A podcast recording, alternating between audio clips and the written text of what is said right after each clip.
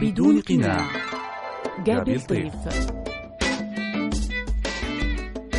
في مونتي كارلو الدولية شخصيات تكشف النقاب عن الكثير. من هو ضيف اليوم؟ من هي الشخصية التي نستضيفها بدون قناع؟ الروائية الفلسطينية المعروفة وسام المدني ضيفة مونتي كارلو الدولية في برنامج بدون قناع. وسام المدني مقيمة حاليا في النرويج ولدت في السودان وترعرعت في مصر وعاشت أيضا في غزة في فلسطين.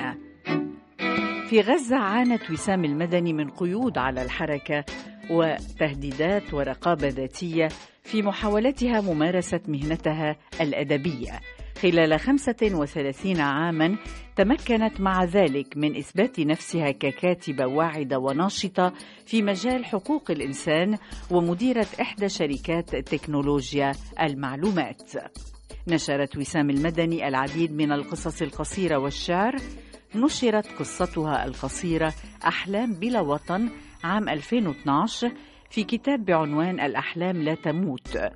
نشر كتابها الشعري الأول يا عام 2015 وقد تم نشر قصتين قصيرتين من قصتي وسام المدني عشر دقائق والبرتقال بين يدي في مجلة الجديد الثقافية والأدبية ومقرها لندن.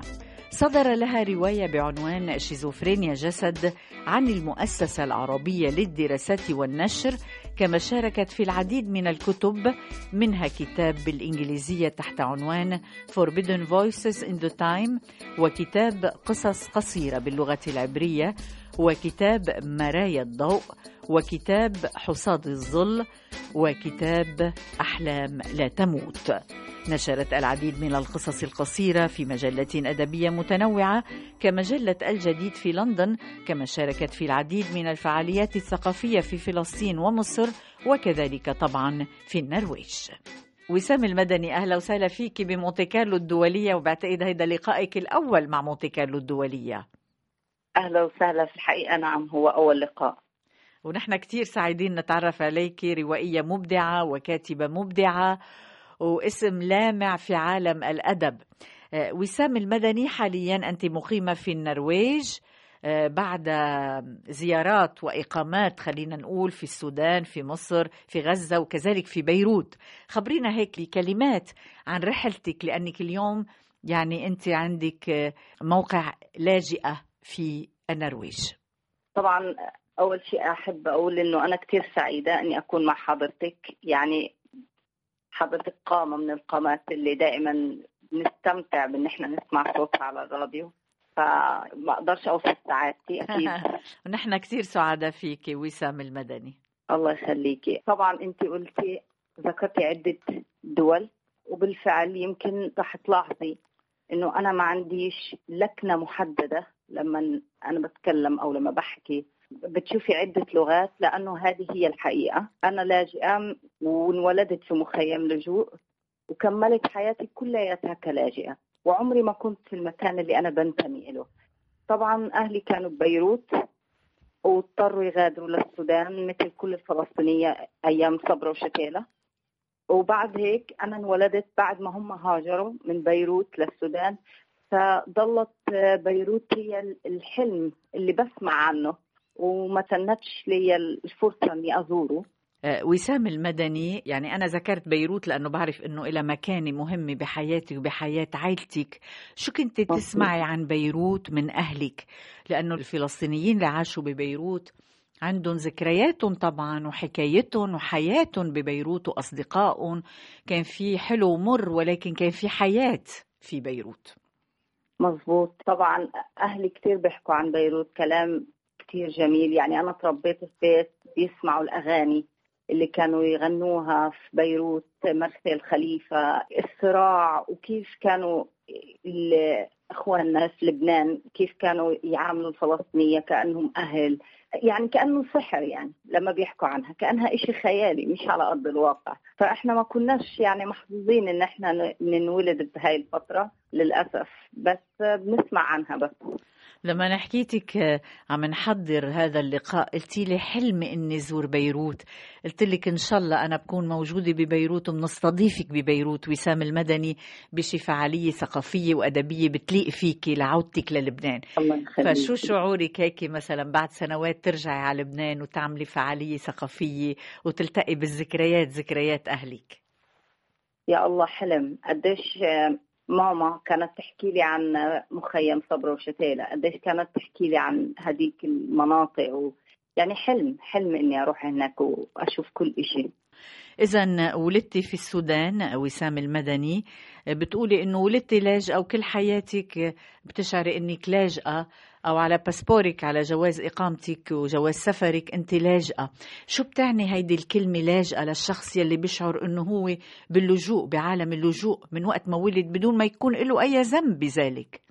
الحقيقة هي كلمة كتير بشعة. أنا انولدت في السودان لكن وأنا عمري 40 يوم كنت كتير مريضة فاضطروا أهلي ينزلوا على مصر. وهناك بدأت أكبر وكل ما كان يجي استدعاء أو إشي حدا يناديني يا بينادوني السودانية يا بينادوني الفلسطينية. فبرغم إني كل يوم الصبح كنت بغني النشيد الوطني المصري وبرفع العلم وكل إشي باكل الأكل المصري بلبس الهدوم المصرية بس دائما كان في هذا الحاجز لما بينادوني الفلسطينية أو السودانية. يعني بطريقة معرف إلك إنه أنت لا تنتمي لهذا المكان. لهيك أول ما رجعت السلطة على غزة وأبويا قرر إنه هو يرجع على غزة وأمي كانت متخوفة ورافضة لأنه إحنا أصلا من يافا مش من غزة. نعم. فأنا وقفت في صف أبويا وقلت لها أنا تعبت أنا بدي أرجع لبلدي بدي أكون من أهلي. فأظن أنه هذا هو الوقت المناسب للرجوع حتى لو كان غزة مش يافا. فهي يعني البداية على الأقل. ولما رجعت على غزة تفاجأت إنه الناس بتناديني المصرية. لأنه أنا بحكيش بلغة غزة بشكل صحيح فبتميز الكلمات المصرية في لغتي. كان عمري 12 سنة. فبلش الكل يناديني البنت المصرية. وكنت أنا الوحيدة في هذاك الوقت اللي سنة 94 اللي بتركب البسكليت في غزة. نعم. فكانوا مسميني البنت تبعت البسكليت. صبية عمرها 12 سنة وبتركب بسكليت. فكانوا يجروا ورايا بالحجارة يفكروني إسرائيلية. وجدي كتير حاول معي إنه خلاص انت بقيتي بنت كبيرة وبنفعش تركب البسكليت وهيك. بس هذا كان جزء من شخصيتي فما كنتش قادرة أتخلى عنه. ونجحت إني أحتفظ فيه لغاية ما ضاع عمري 16 سنة. كنت نعم. أروح المدرسة الثانوية بالبسكليت. حتى لما جيت لأتزوج صاروا يحكوا البنت تبع البسكليت بدها تتزوج. يعني يعني بفهم وسام المدني إنه بحياتك آه، في تنمر عليك آه، في تعرض أيضا لإلك بالنسبة لتصرفاتك آه، في تدخل بحياتك الخاصة في حكم عليك من خلال البسكليت أو غير شيء أو لهجتك. يعني ضليتي تحسي حالك غريبة بمصر وحتى بغزة بفلسطين. بالضبط. يعني تخيلي عشت في غزة 20 سنة. 20 سنة عشت غريبة. ضليت طيلة 16 سنة وأنا بحلم باللحظة اللي رح أفوت فيها مصر تاني لأني بلشت أنتبه إنه يمكن أنا من مصر وأنا ما كنتش ماخذه بالي. نعم. فضليتني أستنى وأستنى وأخبي جواتي السمات تبع اللغة المصرية والعادات المصرية عشان هرجع لها تاني هيك في تصوري. طبعا بسبب الحصار على غزة بسبب القيود على السفر بسبب وضع المرأة في غزة هذا تحدي كمان. وضليت على هذا الحال لغاية ما صار معي إنه بنتي مرضت واحتجت إنه أعالجها بمصر. نعم. وهاي كانت أول مرة أدخل فيها مصر بعد كل هاي الفترة. ولما رحت لهناك اتفاجأت إنه مصر تغيرت وأنا تغيرت. فلا مصر ضلت مصر اللي أنا بدور عليها ولا أنا ضليت أنا. حلو هالكلام. آه، وسام المدني قديش الإنسان بيمرق بمراحل قديش بده يتأقلم قديش بده يتمزق قديش بده يتعذب لحتى يلاقي ذاته. هل فينا نقول اليوم إنك وجدتي نفسك في النرويج أم إنه ما زلت تبحثين عن وسام؟ هل هي سودانية؟ هل هي فلسطينية؟ هل هي بيروتية؟ هل هي مصرية؟ هل هي نرويجية؟ والله أنا بظن إنه رحلة البحث هذه لن تنتهي لكن صدقا لازم أقول إنه إنه أنا بحترم الشعب النرويجي لأنه هو شعب عنده قلب كتير كبير إنه بيستوعب إنه كيف الاغراب بيجوا وبيصيروا جزء من هاي البلد. يعني بيحاولوا قد ما يقدروا إنه ما يفرقوش بين العالم. يعني هلأ أنا لما بقعد من الشغل باخذ فلوس من البلدية مثلي مثل أي نرويجي برغم إنه أنا ما معيش الجنسية النرويجية أنا ما زلت حاملة جواز اللاجئ. من أكثر الحاجات اللي بحبها في النرويج إنه أنت لما بتطلع الصبح على شغلك أي حدا بتشوفيه بالشارع بيضحك لك وبقول لك هاي حتى لو ما بيعرفكيش حلو. هو هيك. فبتحسي شوية بانتماء للمكان. يعني حلو. أول ما وصلت للمدينة اللي أنا فيها هلأ بعد شي ثلاث أشهر وقفني زلمة ختيار في الشارع كلمني بالنرويجي وأنا كنت لسه بعرفش ولا كلمة نرويجي فقلت له معلش فيك تحكيني بالإنجليزي؟ فبيقول لي أنت يا بنتي إزاي طالعة كده من غير جوانتي في إيدك؟ الدنيا برد. رح تمرضي. وأنا بعرفوش للزلمة. فحسيت كيف حدا غريب ومهتم بيكي انت فاهمة كيف؟ وسألني بيقول لي انت من وين؟ قلت له أنا من فلسطين. أول ما قلت له أنا من فلسطين الزلمه صفن فيا هيك و... وطلع لي بنظرة يعني شوي راح يحضني. وبقول لي أنا مع القضية الفلسطينية وأنا بتابعكم وأنا شو أقول لك يعني؟ شو المشاعر اللي أعطاني إياها هذا الزلمة؟ حلو. هلأ أكيد النرويج مش جنة. يعني أكيد فيها مشاكل وفيها قصص. صعبة علينا إحنا كلاجئين والسيستم صعب وكذا. بس اللي أنا بحكي عنه هو الشعب الناس نفسها. يعني أنا كثير سعيدة بالتجربة النرويجية لأنه النرويج في يوم من الأيام كانوا بنفس مكاننا. كانوا عندهم عادات قاسية وكانوا عندهم أحكام مسبقة. يعني أنا حضرت فيلم بيحكي عن فترة 1950 تقريبا كأني عم بحضر على وضعنا الحالي في كثير من الدول العربية. نعم. وإزاي قدروا اليوم يصيروا أكثر تسامح؟ إزاي قدروا يعطوا المرأة حقوقها يعطوا المختلف حقوقه؟ فأنا والله كل حلم إن إحنا نوصل لهذا المكان حلو. يوم من الأيام. آه، وسام المدني ليش اخترتي النرويج؟ ليش ساكنة في النرويج ومقيمة فيها؟ والله إن جيتي للحق هي اختارتني مش أنا اخترتها يعني أنا أنا مثلي مثل كل الكتاب قدمت للايكون وقدمت وضعي وشرحت ظروفي وكذا. وهم اختاروا هي المؤسسة أصلا مركزها بالنرويج. فهم اختاروا إنه يختاروا لي النرويج لأنه النرويج الفلسطينية ليهم وضع خاص فيها. بناء عليه بقدر أخذ إقامة وجنسية فما بضطرش إني أخرج من البلد بعد سنتين. فلو كنت رحت على أي دولة تانية كان لازم أغادر بعد سنتين. فوين بدنا نروح يعني؟ يا مسافر وحدك يا مسافر وحدك وفايتني لتبعد عني لتبعد عني وتشغلني.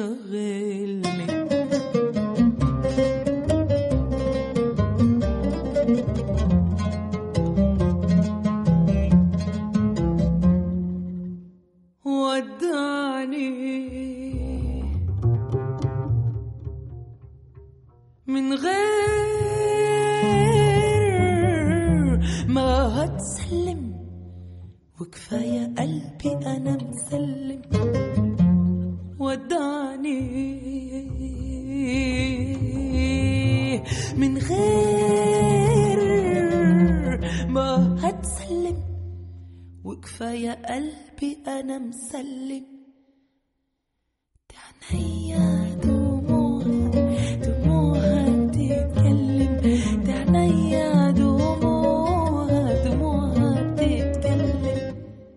يا مسافر وحدك وفايتني لتبعد عني؟ لتبعد عني وتشغلني؟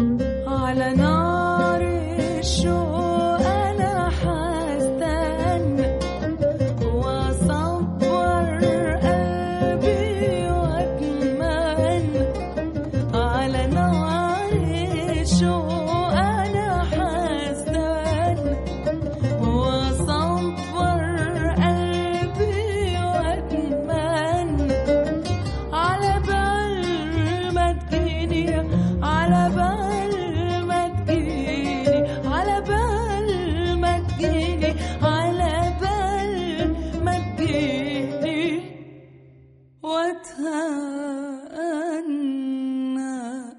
تتابعون برنامج بدون قناع مع غابي لطيف على مونت كارلو الدولية. الروائية الفلسطينية المعروفة وسام المدني ضيفة مونت كارلو الدولية في برنامج بدون قناع في حوار حول روايتها الأخيرة شيزوفرينيا جسد الصادرة عن المؤسسة العربية للدراسات والنشر. وسام المدني روايتك شيزوفرينيا جسد بتعبر على اللي وصلتي له من تطور آه، من آه، أفكار آه، من محاولة الدفاع عن الآخر وخاصة عن المرأة وخاصة عن الشخص المختلف والاختلاف واحترام الرأي الآخر ولكن بطريقة عصرية وجريئة بالنسبة لإلك. نحن لاحظنا جرأتك من البسكليتة ومن المعاناة اللي عشتيها ولكن اليوم كله عم يتجسد في هذه الرواية اللي مشاركة أيضا بجائزة كتارا للرواية العربية. خبريني عن شيزوفرينيا جسد. بالنسبة لإلك شو بتمثل؟ شو هي رسالتها؟ منشوف إنها جريئة وعم تكسر التابوهات أيضا. رواية شيزوفرينيا جسد. هذه قصة عمر. يعني ست سنين وأنا بكتب. ست سنين وكل ما كاتب يجي يسألني ويقول لي شو طلع معك؟ شو النتاج الأدبي؟ شو عم تشتغلي؟ أقول لهم في الرواية تبعتي. أصدقائي وخرجوا كذا كتاب في هاي الفترة. نعم. اللي أنا كنت بس شغالة فيها على هاي الرواية. هاي الرواية حبيت تكون كأنها ست محروقة وماشية عريانة بالشارع. هي بتكشف خفايا حاجات إحنا عم بنعيشها كل يوم يعني ما بنكرس لهاش أي وقت للتفكير في البداية هي ممكن تبدو إلك إنه هي رواية عن مثلا المثليين أو هي رواية عن المرأة نعم. أو لكن هي في الحقيقة هي رواية عن كل يوم في حياتنا عن كيف إحنا وصلنا لمرحلة إن إحنا يبقى عندنا هم بالنرويجي بيقولوا عنها دبل مورال وجهين مش لأنه إحنا سيئين لأنه الوضع العام بيفرض علينا هيك. لأنه تحديات الحياة خلتنا صرنا هيك. فأشياء كثير بتصير معنا من غير ما نفكر فيها.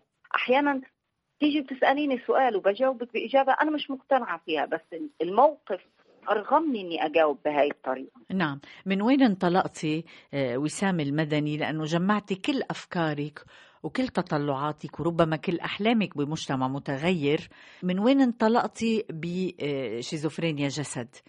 يعني الانطلاقة الكبيرة كانت من خلال تجربة صديقة إحدى صديقاتك؟ آه، مزبوط يعني أنا ما احتكيتش بالإنسانة بشكل مباشر بس كانت عن طريق وسيط اللي هي زميلة إلي بالجامعة. وهي كانت صديقة مقربة إلها وكانت شاهد عيان على كل اللي صار معها في حياتها. في النهاية هاي الإنسانة انتحرت وهي حامل. يعني هذا أبشع شيء ممكن تسمعيه لأنه هذه الإنسانة مش بس ماتت هاي الإنسانة كمان قتلت ابنها معها. فأي إنسان عنده ضمير وقلب رح يوقف ويقول يعني إنه ليش ليش حدا يعمل هيك يعني؟ وخاصة إنه وضعها المادي كان منيح كانت حياتها مستقرة يعني عندها كل الأسباب اللي بتخلي الناس يعيشوا سعيدين يعني. كل شيء بيحلموا فيه العالم الثانيين يعني. كانوا متوفرين لها بحياتها. وبرغم من هيك هي تركت الحياة بإيديها مش حدا قتلها كمان. وهي مثال لكثير أمثلة بشكل يومي. وسارة حجازي المصرية هي مثال حي الكل عارف به يعني سارة حجازي برغم انها هاجرت لكندا واستقرت حياتها. انتحارها كان شيء غير منطقي. يعني إذا فكرتي إنه أي حدا بتساليه بالشارع شو بتحلم هيقول لك أهاجر على كندا. يعني الصبية وصلت كندا وجهزت اوراقها وحياتها مستقرة ومع ذلك قررت تغادر العالم. فهاي المواقف بتخلي الواحد يوقف ويفكر ليش؟ قد إيه عمق الضرر اللي حصل؟ كيف وصلوا لهذا الإشي؟ كيف وصلوا لهذه المرحلة المتدنية نعم. من آه وسام المدني آه يعني آه شو الخلاصة شو الزبدة شو العبرة من خلال هيدا الكتاب اللي أنت الفكرة اللي عم بتدافع عنها؟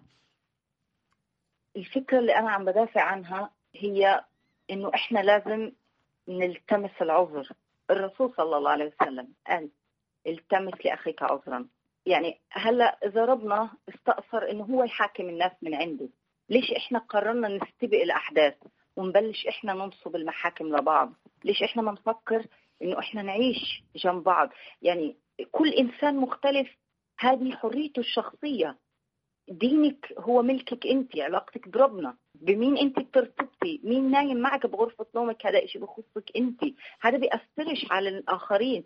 فهم ليش مصرين إنه يحاكموا الإنسان بناء على توجهه أو مشاعره أو إيمانه أو معتقده. يعني أنا بفترض إنه المفترض إنه حريتنا تنتهي عند حدود الآخرين. طالما أنا مع مش باذيكي أنا مسلمة أو مسيحية أو مين ما أكون.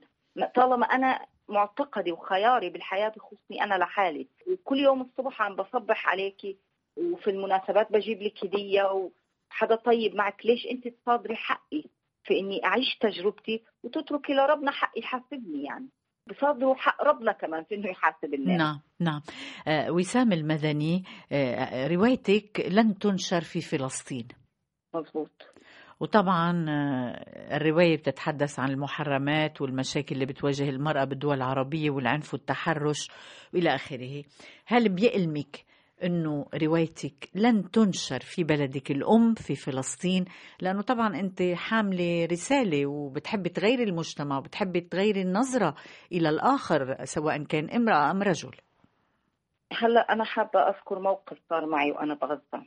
في إنسان صاحب علم المفترض وصاحب منصب له علاقة بالأدب وإلى نعم. آخره. وسألني شو موضوع روايتك؟ حكيت له رد علي وقال لي أنت بدك تشتهري قلت له مش فاهمة شو قصدك يعني. قال لي أنت بتتهمي بناتنا ونسائنا بتهم مش موجودة. هذا مجتمع مريض اللي أنت بتحكي عنه. هذا المجتمع مش موجود عندنا لأنه إحنا ناس متدينين وملتزمين. وأنت تتجني علينا لحتى تنشهري. ف انه تجيني هذه الرسالة من من إنسان يحسب على الأدب ويحسب على النقد. فكان شيء جدا قاسي. وسام المدني بنبقى بفلسطين إذا الرواية لن تنشر في فلسطين. بس عندك ردود فعل في فضول من بعض النقاد من بعض الكتاب أنه يطلعوا عليها في تواصل مع غير هذا الشخص اللي ما فهم أصلا رسالة هذه الرواية. أكيد في أكثر من حدا كتب بشكل جيد عن الرواية وخاصة هذا الإنسان اللي حكى معي هذا الكلام كثير أفادني لأنه أوحالي بفكرة إنه أنا عملت فصل اسمه الفصل الأزرق وحطيته في نص الرواية. هذا الفصل الأزرق أنا ما كتبتش فيه أي كلمة. هذا الفصل جمعته خلال سنتين من الشغل. كان في منشورات فيسبوك من ناس في مختلف الدول بلكناتهم كاتبين عن مشاكلهم وعن اللي بيعانوا منه عن عالمهم السري وكيف عايشين.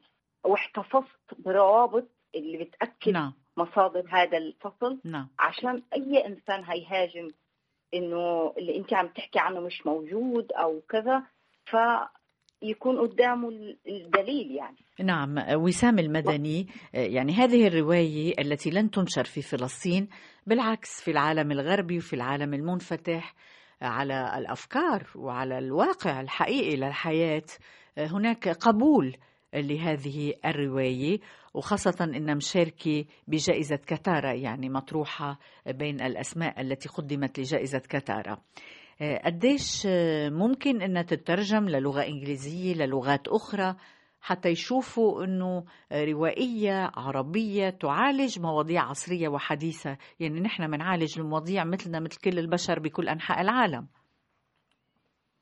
طبعا الرواية تم ترجمة جزء كبير منها باللغة النرويجية. وإحنا شغالين عليه وصدقا يعني عانيت عانيت عانيت مع الترجمة. نعم. لأكون صادقة يعني لأنه إحنا لغتنا العربية لغة جميلة وغزيرة بالكلمات والمعاني. ولما تيجي تتكلمي عن اللغة النرويجية هي لغة ضيقة يعني ما عندهاش أفق قاموسها صغير. وعشان هيك الموضوع عن جد استنزفني. استنزفني من رسائل وارجع للمترجم وقصة طويلة بس هو حاليا تم ترجمة لغاية الفصل الثامن للغة النرويجية وإحنا شغالين عليها يعني. وطبعا أنا كنت كثير سعيدة حظ إني ألتقي بأستاذ ماهر الكيالي من المؤسسة العربية للدراسات والنشر وإنه يتحمس للمشروع تبع الرواية. يعني أنا قدمت الروايه لأكثر من دور نشر عربية. في منهم ما ردش أصلا وفي اعتذر وأستاذ ماهر كان عنده الجرأة إنه ياخذ هاي الخطوة ويتبنى الرواية ويشتغل عليها عشان اليوم تكون موجودة بمحتواها العربي. كان ألم في قلبي إنه أنا بديت الترجمة النرويجية وأنا لسه ما مش نشرتها بالعربي. وهذا كتير كتير مهم بالنسبة لي لأنه أول هام اللغة تبعتها لغة جميلة لغة تستحق القراءة. فكنت كثير حزينة إنه القضية مش هقدر أطرحها إنه اللغة المحطوطة مش هتنعرض. كان ألم كبير. بس بعد هيك رسلت أستاذ ماهر الكيالي و... وتحمس لهذا المشروع. وبالفعل نشرنا الرواية. بعد ما كانت إلها سنة قاعدة يعني أنا مش عارف شو رح أعمل فيها أو فقت بشيء من الإحباط والاكتئاب إنه أنا عندي هدف وعندي حلم إنه هاي الرواية تكون بكل بيت. هاي الرواية كثير مهمة لمستقبلنا لبكرة. نعم. نعم. عشان حياتنا تكون أحسن عشان نتقدم نحس ببعض نفهم بعض نتطور. ممكن يجيني اتهام إنه آه أنت بدك إيانا نكون ننفتح ونترك ديننا وعاداتنا. ابدا ابدا هذا مش قصدي ولا اجى ببالي اللي قصدي اللي هو ان إحنا نتفهم معاناة الآخر. مش ضروري كلياتنا نبقى نسخ. لازم نعرف إن إحنا أصابع إيدينا مختلفة بالطول وبالحجم. فإحنا كلياتنا مختلفين وهذا بيعدناش بإشي إن إحنا مختلفين. بالعكس هذه جمالية.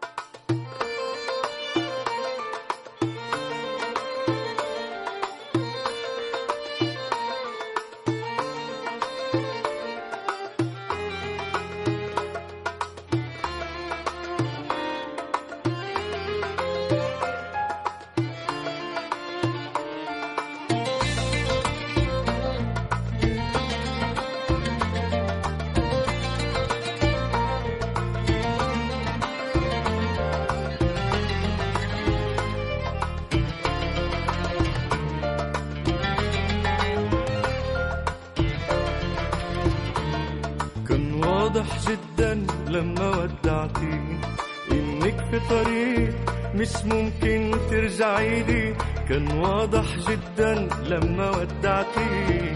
انك في طريق مش ممكن ترجعي لي ودموعك اللي غرق عيونك حبيتهم. وشعرت إنك عن جد بتحبيني.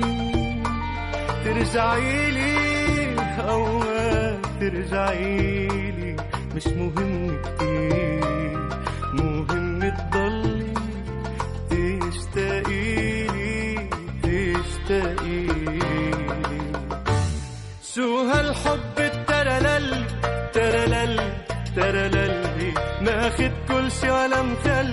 ولا مخلي ولا مخلي شو هالحب الترلل ترلل ترلل كل شي ولا مخلي ولا مخلي ولا مخلي طب حط حالك في محلي في محلي في محلي. بتلاقي الشغلة بتسلي بتسلي.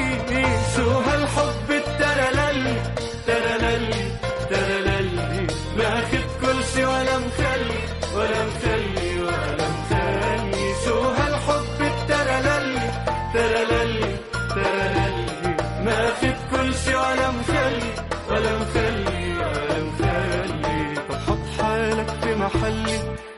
في محلي في محلي بتلاقي الشغلة بتسلي بتسلي.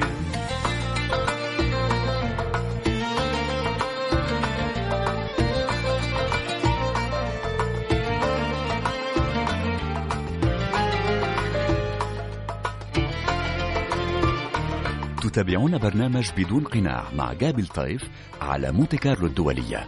الروائية الفلسطينية المعروفة وسام المدني ضيفة مونتي كارلو الدولية في برنامج بدون قناع في حوار حول روايتها الأخيرة شيزوفرينيا جسد الصادرة عن المؤسسة العربية للدراسات والنشر.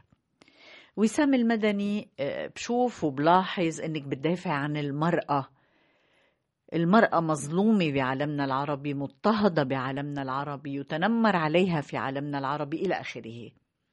خبريني عن نظرتك لهذا الأمر للمرأة وشو بتتمني لها؟ أول شيء بحب أقول تحية كثيرة للمرأة الفلسطينية اللي شالت القضية طول عمرها وتحملت. وخصوصا في ظل هاي الفترة اللي حركة حماس قررت فيها إنه ممنوع لأي مرأة في غزة تغادر من غير تصريح من أحد رجال العائلة. يعني ممكن تكوني محتاجة تصريح من ابنك اللي ربيتيه وخلفتيه لأنه أنت غير أهل إنك تاخذي قرار المغادرة بنفسك. فتحية لهاي المرأة اللي عم تتحمل. طبعا المرأة مش بس في غزة يعني هي في كافة الوطن العربي. بتعاني من مشاكل كثير اليوم المرأة إذا كبرت لازم تتزوج. إذا ما تزوجتش معناها عندها مشكلة. معناها بدها تتعرض للمضايقات من المجتمع المحيط. معناها إنه أهلها لازم يضلوا يتحكموا فيها. اليوم في بعض الدول العربية قدرت تكسر هذا التابو وتقدر الست إنه تخرج عن العيلة وتستأجر بيت لحالها بس مش في كل الدول. يعني هذول أقلية. أما الأغلب بيواجهوا مشكله إنه انت لازم تضلي ساكنة ببيت العيلة، لازم تضلي تحت سيطرة العيلة، لازم تاخذي إذن من أبوك من أخوك من أي حدا لحتى تخرجي تشتري غرض ولا دواء ولا تروحي للدكتور، كأنه انت إنسان ناقص يصادر حقك، واليوم بدك تضطري تتزوجي، واحيانا انت بتتزوجي زواج صالونات لأنه غير مسموح لك إن انت تختاري الإنسان المناسب لك وفي فترة السنة الماضية والسنة اللي قبلها نسبة عدد البنات اللي تم قتلهم من العيلة تحديدا في في فلسطين يعني نسبة مخيفة. يعني أنا عمالة بشتغل على هذا الملف إني أكتب مقالة عن هذا الملف. العدد في تزايد. يعني عندنا بغزة في ست عمرها 30 سنة. أبوها قتلها ودفنها تحت بيت الجاج. وقال للجميع إنه هي سافرت للأردن. مش قادرة أقول لك قد إيه جرائم تتعرض لها المرأة في المجتمع. وبعدين بتتزوج إنسان هذا الإنسان له سلطة عليها قريبة من سلطة ربنا سبحانه وتعالى اللي خلقها يعني بيضربها بيهينها بياخذ مصاريها. وبتقدرش تقول له لا وإذا بتقول له لا أهلها بدهم يقفوا في صفه.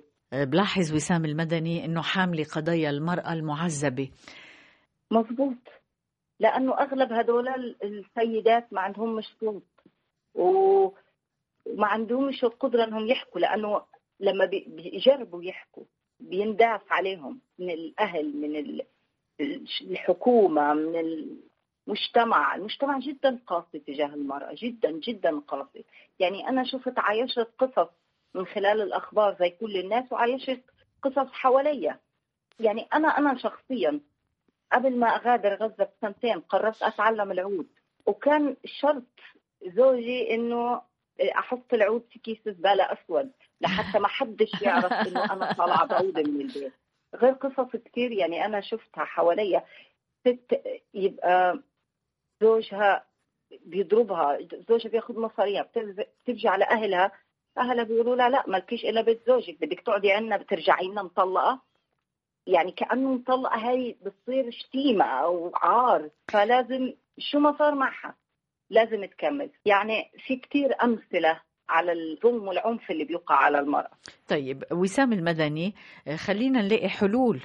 قديش التعليم قديش الوعي قديش إنه المرأة تكون عاملة عندها مشروع عم تشتغل عم بتدخل فلوس على البيت عم تقبض مصاري عندها بيصير استقلاليتها وعندها كلمتها بقلب المجتمع وبقلب المنزل إلى آخره. يعني بده يصير تغيير جذري.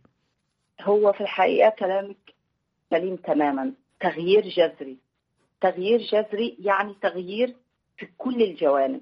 لأنه اليوم في ستات كتير عاملات واقفين ويحترموا هم اللي شايلين بيوتهم. ومع ذلك ما زال للرجل سلطة عليها. ما زال زوجها بياخد راتبها أول الشهر وهو قاعد بالبيت. ما زال بيطلب منها إنها تروح من شغلها تطبخ وتغسل وتدرس كأنها إله. كأنها يعني حدا بده يشتغل يعني حتى الجوال بده شحن. أما الست مش مطلوب منها إنها ترتاح أو تشحن. هي 24 ساعة شغالة. فلما إحنا نتكلم عن التغيير لازم يجي جذري من كل الجوانب الرجالة والستات نظرة المجتمع ككل للمرأة لازم تتغير. لهيك أنا حاولت قد ما أقدر في روايتي إني أسلط الضوء على معاناتها. بتأمل إنه القارئ القضية تلمسه يحس بالوجع. يعني أنا في كل الرواية ركزت على البعد النفسي أكثر يعني إحنا محتاجين توعية لتغيير ال stereotype عن دور المرأة ودور الرجل ونتعلم من تجارب الآخرين يعني. نعم. في المجتمعات الأخرى اللي هي تقدمت وتفوقت علينا. نعم. اليوم إحنا بنستورد أدويتهم وبنستورد علمهم و- ولسه بنحكي عن حضارتنا الإسلامية القديمة. طيب الحضارة راحت إحنا شو عملنا؟ حلو وسام المدني هيدا بيقودنا للنرويج. قديش أنت كمراقبة كروائية ككاتبة بتقعدي هيك بتراقبي المجتمعات وبتعملي آه، تحليل بين المجتمع العربي والمجتمع الغربي وتحديدا من المجتمع الفلسطيني والمجتمع النرويجي؟ اليوم فيني أقول إني أنا بشعر بالغيرة كثير بشعر بالغيرة لما بشوف قديش هم هنا متعاونين. يعني في كثير ناس بيحاولوا يقولوا إنه الست في المجتمع الغربي هي الحاكمة عشان يعتبروها عيب لكرامة الراجل العربي فإحنا مش هن- هنصير مثلهم يعني.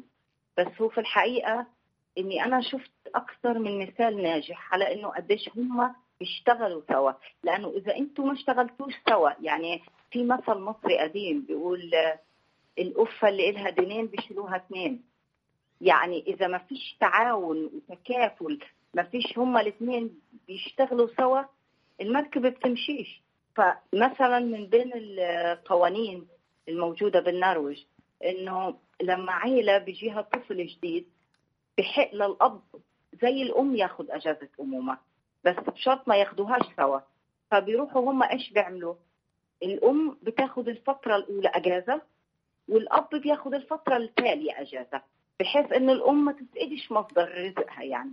بعد ما بتخلص هاي الفترة الأولى الست بترجع على الشغل والأب بيقعد في البيت الفترة هذه لغاية ما بيصير ال- الطفل مثلا عمره سنتين وبعد هيك بيودوه على الحضانة وبده يشتغلوا سوا هم الاثنين. آه، وسام المدني هيدا أيضا موجود بفرنسا والمجتمعات الأوروبية. يعني فينا نقول أنه وجدتي نفسك بالمجتمع النرويجي. يعني أنت بتحبي هيك تعيشي يكون في مساواة بين الرجل والمرأة يكون في احترام لموقع المرأة يكون لها دورها الفعلي في المجتمع. مضبوط احترام وحب. إنه الإشي يكون نابع عن الحب. في حاجة أنا تذكرتها هلأ. أنا كاتبة عنها برضو في الرواية. إنه الرجل مش مسموح له يحب. الرجل ممنوع إنه يبدي لمر... لمرته الحب يعني عيب يعني في مجتمعنا إنه لازم يخبي إنه هو بيحب مرته لأنه هذا ضعف. مثلا على سبيل المثال نعم نعم. هذا شيء جدا سخيف وقاسي. الحب والاحترام لازم يكونوا مع بعض ماشيين. لي حبيب عشقه ذوبني. شغل القلب سناه والنظر. لي حبيب عشقه ذوبني. شغل القلب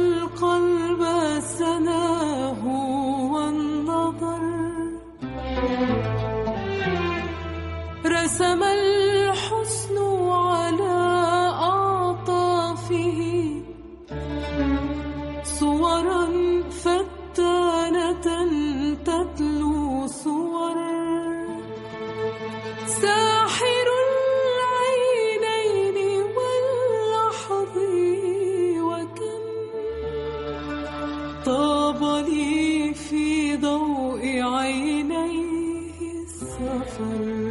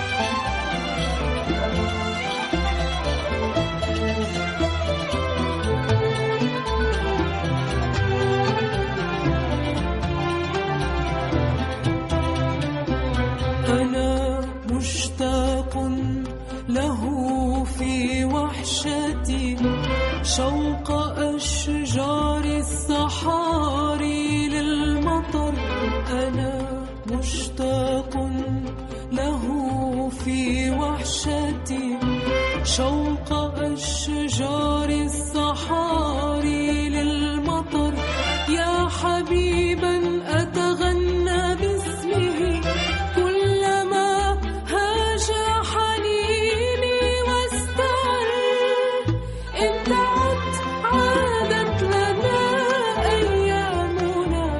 تتابعون برنامج بدون قناع مع جابي لطيف على مونتي كارلو الدولية. الروائية الفلسطينية المعروفة وسام المدني ضيفة مونتي كارلو الدولية في برنامج بدون قناع في حوار حول روايتها شيزوفرينيا جسد. وسام المدني كنا عم نحكي عن الجسد وعن المجتمع واحترام الذات واحترام الآخر وهذا الحوار بين الثقافات والحضارات اللي ضروري لحتى نكمل الحياة ونكمل المشوار. كيف بتنظري اليوم إلى الذي يحدث في العالم خلال جائحة كورونا؟ وقديش تغيرت أولوياتك؟ قديش عدتي إلى ذاتك واكتشفتي أشياء جديدة خلال هذه الفترة ككاتبة وكإنسانة؟ طبعا هي لأكون صادقة كانت تجربة كثير قاسية. لأنه أنا عايشت في غزة ثلاث حروب من أقصى الحروب اللي مرت على غزة وآخرها حرب 2014 اللي كنا تحت آه، وقع الحرب طيلة آه، ما يقارب ال آه، 40 إلى 60 يوم. فأول ما بلشت آه، قصة الكورونا ويعني أنا عايشة بدولة ما دخلتش بحرب من سنين طويلة من أيام الحرب العالمية الثانية. فالكورونا بالنسبة لهم كانت إشي مخيف مرعب. فردة فعلهم كانت كبيرة يعني كبيرة جدا. وأنا وأي حدا لاجئ إجا من دولة فيها حرب الوضع هذا كان قاسي عليه لأنه ذكرتني بالحرب. يعني أنا بتذكر إنه أول يوم أنا رحت على السوبر ماركت وشريت أكل يكفي ثلاثة أشهر. لأنه صرت بتصور إنه أنا راح أعيش في إغلاق ومنع و... مثل ما بيصير معنا بغزة بالضبط. يعني أنا تخيلت إنه المحلات راح تسكر بنتي الصغيرة رجعت تحلم بالدبابات الإسرائيلية رجعت تحلم بالطيارات. وضع كتير كتير كان مخيف. يعني أنا عارفة إنه أنت يمكن لما طرحت السؤال تمنيتي تسمعي إجابة أفضل من هيك. لا نحن عشنا نفس الشيء. نحن كمان كان عندنا هيدا الشعور. نحن كمان عشنا الحرب بلبنان وإلى آخره. أنا كان عندي نفس الشعور كأنه في حرب. وكمان كان في هيك تكديس أشياء. مظبوط. يعني هنا بالنرويج من من الحاجات الغريبة إنه الفاين تواليت تبع الحمام انقطع. يعني لو قالوا لي انقطع ال- الأكل ب- بتفهم. بس فاين الحمام شو بدهم يعملوا فيه؟ يعني إذا بدنا نموت. بفرنسا أيضا نفس الشيء. بلندن أيضا. يعني بس هو في النهاية بيعكس حالة القلق عند الناس. يعني حتى أولوياتهم مشوشة. طبعا. لأنه الوضع كان أكبر من الكل. فما بالك هذا الإنسان اللي ماشي وحامل هاي الشنطة اللي مليانة ذكريات ومخاوف. يعني بدي أقول لك أنا أول سنة عشت فيها في النرويج كل ما بطلع على الشارع بتهيألي إنه أنا في سيارة رح تيجي تدعسني. كنت أحس بحرارة السيارة وهي عم تخبطني. هذه السيارة الوهمية اللي براسي. فغزة أثرت كثير كثير كثير علي. ولما بلشت أتنفس إجتني الكورونا قالت لك تعي تعي يا بنت أوعي تنسي. لا لا لا لا ولا يمكن. يعني أنا أختي عايشة بدبي ولما راح كتابي للمعرض في الإمارات عن جد كنت عم بفكر إني أسافر لهناك. لالتقي كتابي لالتقي أختي. وبسبب الكورونا والإغلاق يعني أنا ملتزمة بجدول حياه هان. إذا بطلع معناها 20 يوم ممنوع أروح على دوامي. فبنقذي براتبي بنقذي كل شيء نعم. آه، وسام المدني آه، شو تعلمتي من تجربة كورونا؟ هلأ بقى بصير شوي كئيبة بعدين. معلش كوني حقيقية كوني أنت يعني بخاف أصدق الحياة لأنه ابدا ما مش رح تعطينا الفرصة إن إحنا نعيش. والله مش عارفة يا أختي ليش زعلانة منها الحياة مصره مصره يعني مصره تخلينا نمر بأوقات صعبة يعني. هذا الكتاب اللي اللي هو صدر باللغة الإنجليزية آه، أغلب الكتاب فيه وأنا من بينهم كتبنا عن آه، وضع الكورونا. يعني أنا أول شيء على طول خطر ببالي ربط الوضع الحالي بالحرب. فكتبت نصين في هذا ال- الكتاب. النص الأول فيهم اسمه رسالة إلى صديقة الحرب. لأنه أنا افترضت إنه بحكم العشرة صرنا أصدقاء. مش بحكم, بحكم الحب طبعا. فكنت بحكي لها عن غرابة شعور ال- ال- الحرب. في ظل إنه ما فيش حرب. يعني غرابة هذا الشعور يعني. ما أنا مش عم بسمع صوت السيارة ما مش بشوف الجثث بالشارع بس ما زلت عايشة جو الحرب. كمان القصة القصيرة اللي قدمتها في نفس الكتاب كتبتها من منظور طفل صغير إنه هذه الصبية الصغيرة امها وعدتها لما غادروا بلدهم إنه حيعيشوا بأمان إنه عمرها ما تعيش في الحرب ثاني فبتسأل إمها يعني كيف اخلفت الوعد؟ وصارت تتخيل إنه هذا الإنسان اللي بنحط على جهاز التنفس الصناعي صار نص إنسان نص آلة. وإنه هذا الإنسان بيتطور الشخص التخين بيتطور وبصير دبابة والشخص الرفيع بصير سيارة. وافترضت إنه هذا مصدر الحرب في هاي القصة القصيرة. كمان بنتي الكبيرة آه، عمرها 19 سنة كتبت قصة للمدرسة وتفاجأت فيها أنا الصراحة. وكتبت فيها إنه هي مش قادرة تصدق إنه هذه حرب وهي ما فيهاش علامات الحرب. والقصة اتنشرت على نعم. على صفحة المدرسة و... آه، وسام المدني حكينا عن الحرب وحكينا عن كورونا. بدنا نحكي عن السلم بختام هذا اللقاء. بدنا نحكي عن طموحاتك بعد. بدنا نحكي عن شخص واحد يمكن تأثرتي فيه بحياتك أديب كاتب فيلسوف إلى آخره. طبعا أنا عشان أكون صادقة هم اثنين. آه، الأول هو حسين البرغوثي.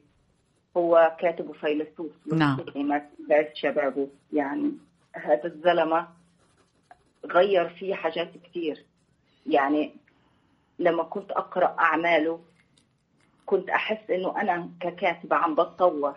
فكريا بتطور لغويا بتطور. بصير إنسان اللي نفسي أكونه. يعني أنا طبعا قدامي طريق طويل يعني قد إيه فينا نتطور؟ هذا إشي ملوش حدود طالما إحنا عايشين. والإنسان اللي بيوصل لمرحلة إنه هو بيفكر إنه وصل فبيكون مخدوع بنفسه. يعني أنا قدامي لسه طريق كثير طويلة بس وجود كتب حسين البرغوثي وجود شاعر مثل محمود درويش اللي أنا كثير بحبه وبعتبره قدوة لأنه هذا الزلمة عايش عدة أجيال ونصه تطور مع الأجيال. فلو انت قارنتي أول نص لمحمود درويش بشعر التفعيلة أو آخر أعماله اللي كتبت بلغة النثر بالنص الحديث بتعرفي إنه هذا الزلمة مدرسة. بيعلمك إنه انت ككاتب إذا بدك تستمري على أسلوب واحد انت بتعدمي نصك لازم انت تتطوري مع الحياة مع ال- التجربة. وإني آجي هون على النرويج كانت تجربة فريدة. لأنه أثرت علي كثير الثقافة النرويجية أثرت علي المناظر الطبيعية الجميلة اللي بالنرويج. النرويج أنا بعتبرها جنة الله في الأرض. حلو. فأصبحت بكتب نص خليط ما بين هاي التجربة الغزاوية ال- ال- المصرية ال- القاسية مع هاي الطبيعة لما تلتحم مع هاي الطبيعة الجميلة مع يعني أنا لاحظت إنه نص كتير كتير تطور عن نعم. عن ما قبل. نعم. آه، وسام المدني آه، في ختام هذا اللقاء مين بتحبي تسمعي؟ فنانين. مين بتسمعي أغاني إلى آخره؟ وأصوات. والله هو أنا كتير بحب الكلاسيك سواء بالعربي أو بالإنجليزي. بحب الجاز بحب آه، الأصوات ال- اللي هي بتدخل قلب الواحد. يعني عندك غالية بن علي غدا شبير شيء جدا رائع. هاي الأغاني اللي بتحرك مشاعرنا وعواطفنا أنت حركتي مشاعرنا جدا في هذا اللقاء وسام المدني كل التحيات لك من مونتي كارلو الدولية نتمنى لك كل الخير كل. النجاح وكل التألق شكرا كثير لك وشكرا لمونت كارلو الدولية أنا كثير سعيدة بهذا اللقاء يا هلا يا هلا You won't admit you love me. And so, how am I ever to know? You always tell me. Perhaps, perhaps, perhaps. A million times I've asked you. And then I ask you over again. You only answer. Perhaps, perhaps, perhaps. If you can't make your mind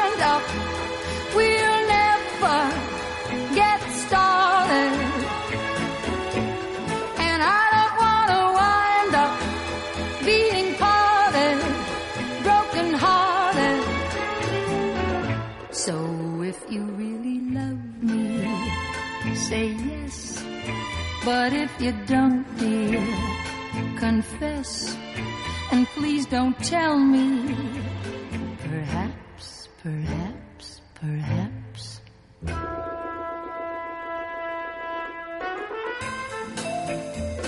مونتي كارلو الدولية لكم دائما أطيب تحيات جابي لطيف والفريق العامل جودي باتري وفنسان ستيفنار Perhaps, perhaps, perhaps. If you can't make your mind up, we'll never get started. And I don't want to wind up being parted, broken hearted. So if you really love me, say yes. But if you don't, dear, confess. And please don't tell me. Perhaps, perhaps, perhaps. Perhaps, perhaps, perhaps.